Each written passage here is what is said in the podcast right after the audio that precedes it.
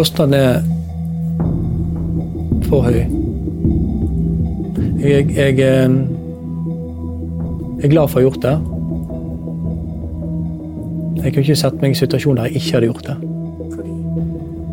Nei, for det Hvis jeg tar meg til hjertet, så var det det som Jeg, jeg vet jeg gjorde det rette. Jeg ville ikke gjort noe annerledes. Men, jeg, men kostnaden er for høy. Du lytter til Fløyteblåserne, en podkast om varsling. Denne serien er produsert av Monosterio med støtte fra Fritt Ord. Jeg heter Karine Næss Frafjord. Tenk deg at du opplever noe kritikkverdig der du jobber. Det kan være brudd på regelverk, en kollega som opptrår på en utilbørlig måte, en jobb som ikke blir gjort etter boka, og som får konsekvenser for andre. Du reagerer på det du ser, men hva gjør du? Kenneth Berg er etterforskningsleder ved drapsavsnittet i Bergen. I 2015 ble kunsthandler og forretningsmann Reidar Osen bortført og ranet. Eh, Osen-saken handler om en gallerieier som er faktisk nabo til politihuset i Bergen. Eh, som ble en eh, desemberkveld, eh, mørk, eh, kraftfull regn ute, ble kidnappet idet han gikk inn i sin egen bil av tre maskerte menn som han mente var av utenlandsopprinnelse. Og han ble fraktet ut av Bergen sentrum til et ukjent sted. Min oppgave da blir å reise til sykehuset og eh, avhøre Reidar Osen på sykehuset. Etter å ha jobbet intenst med å finne gjerningsmannen i fire uker, fikk Kenneth beskjed om at etterforskningen var trappet ned, og han var tatt av saken. Berg var uenig i avgjørelsen og jobbet sammen med Reidar Osen i smug for å etterforske saken videre. Han mente at saken ble for dårlig etterforsket og ikke høyt nok prioritert av politiledelsen, og varslet på dette. Men hva var det som gikk galt? Det er veldig omfattende og komplekst. Det kan komme inn på her. Går det an å ta en kortversjon? Eh, jeg tror det blir vanskelig, men jeg kan heller fortelle om andre faktorer. Eh, for det å varsle, som jeg gjorde, det er en eh, lang prosess. Eh, det er ikke noe man gjør enkelt. Det er ikke noe man, iallfall for mitt del, ikke noe man gjør spontant. Det er mye tankevirksomhet over lang, lang tid før man går til skritt og gjør det. Men etter at det har vært mye styr i Bergen i forbindelse med varslingen Monica-saken, og at så det skulle bli opprettet en varslingsgruppe, så trodde jeg at det var, skulle være trygt å varsle. da. At det nå ble tatt på alvor. Eh, men eh, historien er noe annet enn det. Eh, det å varsle, det har vært eh, Man vet jo aldri hvor veien går. Med de fleste ting i livet så vet man ikke alltid veien, og det skal man kanskje være glad for, for eller hadde man kanskje ikke bygget et hus eller gjort noen andre større ting, da. Um, man vet hvor omfattende ting kan bli. Um, dette har jo tatt seks år. Forhåpentligvis ser jeg snart en ende på det. Uh, men uh, når du er satt i gang og går ut Og jeg gikk ut høyt offentlig etter hvert som jeg så det at denne varselsgruppen den besto jo da av to stykker fra politiet, eller De tre som satt i varselsgruppen, de skulle være seks. De var bare, viste seg bare å bli tre, og to av de satt i toppledelsen. Når jeg fant ut det et halvt år seinere og sittet hjemme sykemeldt et halvt år, så uh, forsto jeg det at dette varselet mitt hadde aldri en sjanse. Fordi at varslingsgruppen kom frem til at ingenting var gjort noe galt. Ingen enkeltperson var gjort noe galt, og ingen kritikkverdige forhold. Slik at eh, Da gikk jeg ut offentlig, jeg gikk høyt ut offentlig på TV 2-nyhetene. Eh, men politiet holder jo da ledelsen holder jo da skjoldet høyt hevet. Så man møter sterk motstand. Eh, men jeg vet jo Jeg er jo en av de Eller jeg var jo den eneste som jobbet med saken, så jeg vet jo hva som er gjort. Slik at eh, jeg følte igjen da for å ta for motmæle for å vise at jeg har rett i det jeg sier. Og eh, det tok jo da seks år. Kenneth Berg vil ha rettferdighet, men det har kostet. Ifølge Kenneth Berg blir man oppfordret til å varsle når man opplever urett, men når varselet kommer, gjøres det ingenting. Kenneth ønsker ikke å gå i detaljer, men det er tydelig at saken har vært en stor belastning for ham. Det er både de følelsesmessige tingene, som at man eh, får en, i løpet av varslingen at man får en indre uro. Eh, frustrasjon. Tristhet og sorg. Eh, depresjon og angst. Eh, spesielt det med angst kjenner jeg jo til i forbindelse med at jeg ute i denne prosessen, eh, når jeg fortsatt møtte motstand, så ikke ble lyttet til, så anmeldte jeg politimesteren og påtalelederen til Spesialenheten for politisaker. Ikke fordi at jeg ønsket de straffet, men fordi jeg var mer, et, mer et rop. Nå må dere lytte. Um, og når TV 2 uh, ringte meg på et tidspunkt og sa at eh, nå går vi ut med dette offentlig, så eh, Noen timer seinere så plutselig fikk jeg det som jeg opplevde det, at jeg fikk ikke puste. Jeg var hjemme hos en kamerat av meg, en god kamerat. Skulle spise et bedre måltid. Jeg var aleine med mine barn sammen med han. Og idet jeg står i dusjen, så merket jeg en sånn spesiell følelse i kroppen som gjorde at jeg eh, tenkte nå dør jeg. Jeg fikk ikke puste, og han kjørte meg til eh, Jeg ville bare ut av huset uten å være blant folk, for nå tror jeg at nå dør jeg. Men eh, han kjørte meg da til sykehus i Førde og ble innlagt der. Og Da viste jeg at jeg hadde fått en panikkangst. Så jeg fikk en liten, bitte liten pille. Utrolig liten.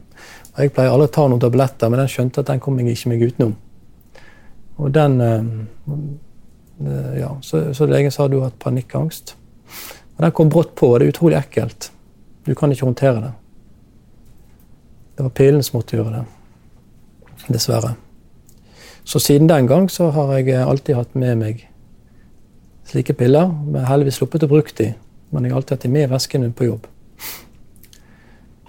Når det kommer på flere momenter som atferdsmessige ting, som går på det at man isolerer seg for å være veldig sosial og utadvendt, at man blir mer introvert. Ehm, det kan påvirke prat til relasjoner. At man blir eh, ikke så lett å leve sammen med. For man føler seg eh, ja, for man føler seg alene med saken. Og det tror jeg nok også Reidar Rosen gjorde. Og på den måten så blir jo vi jobbende sammen med saken, og dermed hadde vi hverandre. Så vi har jo snakket sammen hver dag i, i snart seks år. Men det har jo gitt resultat. Et punkt også som vi nevnte, var at du blir aldri helt til deg selv. Og det kan godt være. Det er vanskelig å si i dag.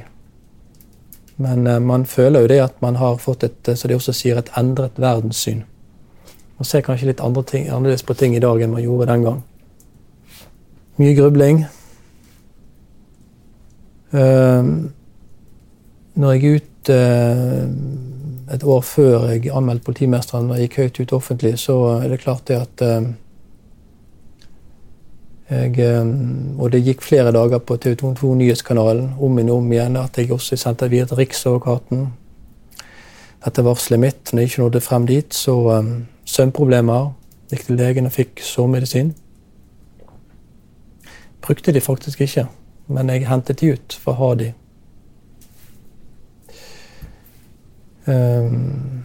Kraftløshet. Eh, og det som er mentalt, det vil også sette seg fysisk. Fikk du noe oppfølging, hjelp av arbeidsgiver etter dette? Eh, det arbeidsgiver gjør De eh, gjør ting nok fordi at jeg føler Min følelse da er fordi at de er pålagt ting gjennom Nav. Fordi at idet man går ut i en sykemelding, på et eller annet tidspunkt der, så vil man få Det er ikke arbeidsgiver som betaler lønningen din lenger, da er det Nav. Så um, det vil ofte, når politiet trenger å spare penger, så syns jeg har vært tillitsvalgt, så jeg vet jo hvordan det fungerer. Så um, at noen er litt ute i sykemelding, det passer fint. For da frigjør det lønnsmidler. Slik at med Men Nav stiller krav at det skal være at det skal være en dialog mellom den sykemeldte og arbeidsgiver eh, ved visse intervaller.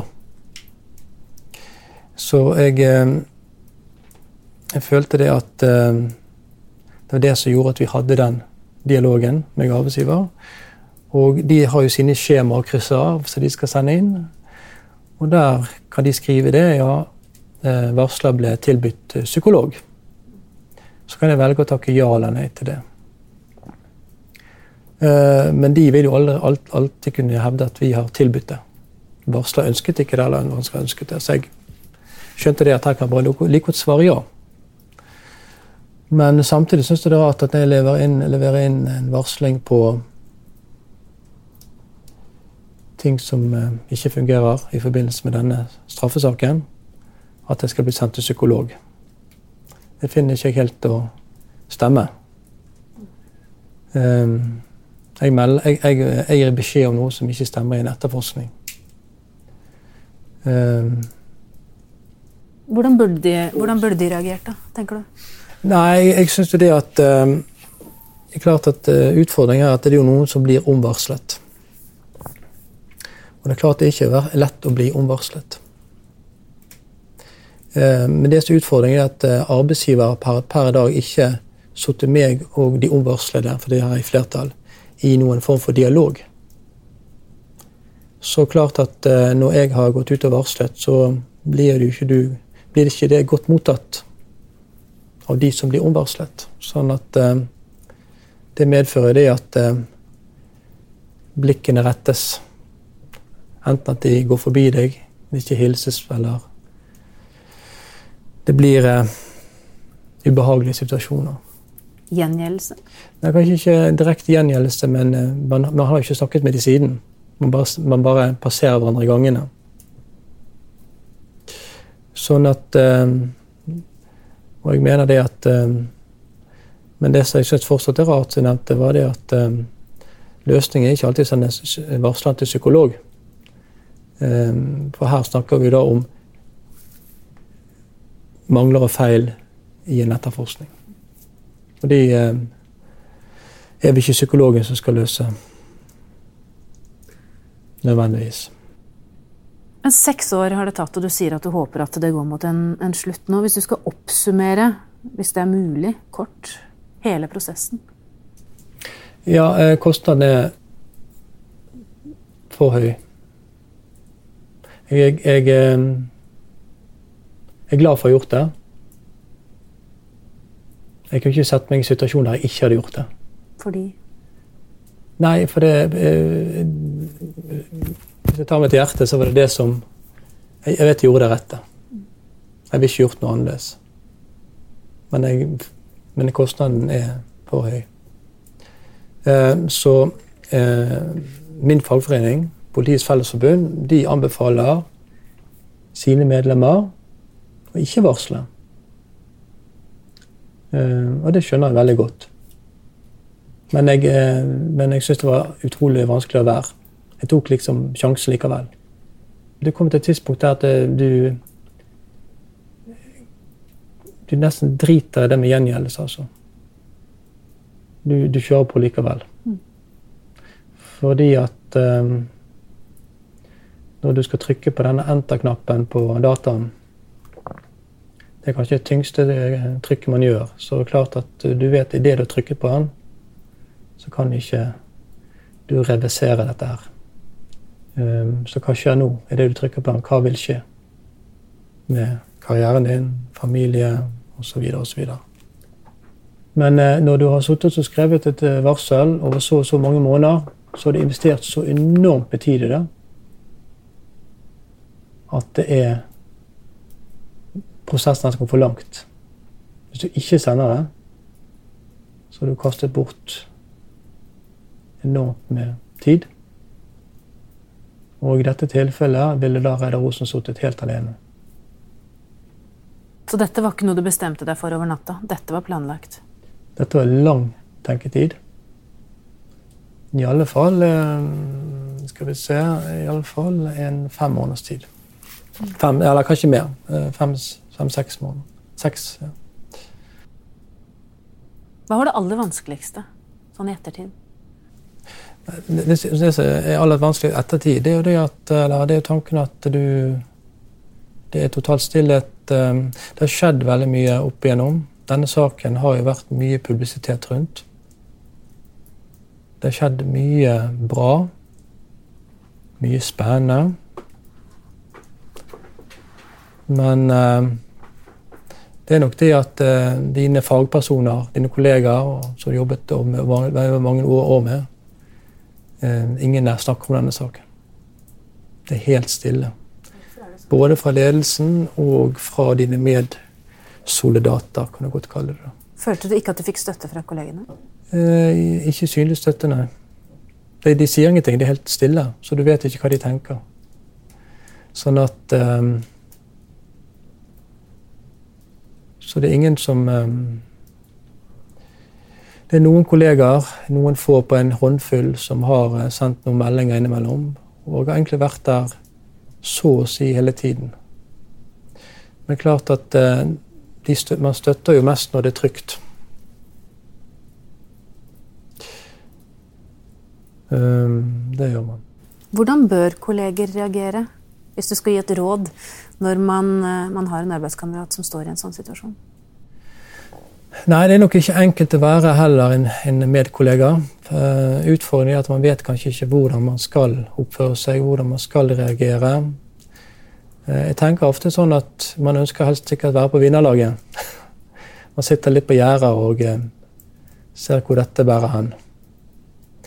Så jeg har vel ikke noen fasitløsning på det. Men, men det er jo veldig greit at man, uh, man snakker om det. Og, og, tar initiativ til å ta opp samtalen. Prøvde du å ta initiativ? Uh, jeg prøvde et par ganger, men Jeg så det at det ikke førte noe videre med seg. Um, ja. Så egentlig så bare man Man bare lar det gå. Er det en spesiell kultur i politiet, tror du? Altså Jeg tenker på det å varsle i profesjon, altså i forhold til yrke. Er det noe spesielt i eh, politikulturen som gjør at det er vanskelig? Ja, det har jo flere vært uh, ute og sagt at det er uh, vanskelig å snakke om kultur og hvordan, men, men klart at i politiet så er jo det en en maktorganisasjon. Det er hierarkisk organisert. Hvor eh, vi vet at kollegaene skal være godt sammensveiset. Og eh, man skal støtte hverandre ute på viktige oppdrag. Eh, det er et fellesskap. Og det å varsle, da blir man mot den svarte sauen. Man tar litt sånn steg ut av flokken. Eh, så spørs det hvor lett det er å komme inn igjen, da. Takk til Kenneth Berg. Hvis du vil vite mer om denne saken, anbefaler jeg boken til Kenneth, som kom ut høsten 2022. Den heter 'Kidnappet Osen-saken fra innsiden'. I neste episode skal du få møte en som ble varslet på en omvarslet. Ola Mannsåker var direktør i Oslo kommune. Og det som, det som, jo er et faktum, som har blitt bevist i denne boka til, til Bitten Norvik, eh, det er jo at halvparten jeg tror det er ca. halvparten av alle som har vært i en sånn prosess, har vurdert å ta, å ta, sitt eget liv. Altså Det er så slitsomt for den som blir omvarsla. Eh, og det knekker en fullstendig. Sånn at det er liksom det er skammen. Altså, jeg, jeg, tenkte aldri på at jeg skulle ta mitt eget liv. Altså, jeg er ikke sånn.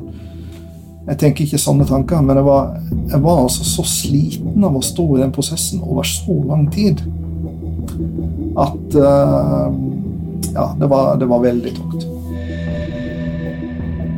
Du har hørt Fløyteblåserne, en podkast om varsling. En serie i ti deler, produsert av Monosterio med støtte fra Fritt Ord. Lyddesign er ved Frode Ytterarne. Konsulenter er Kine Smith Larsen og Torgeir Waterhouse.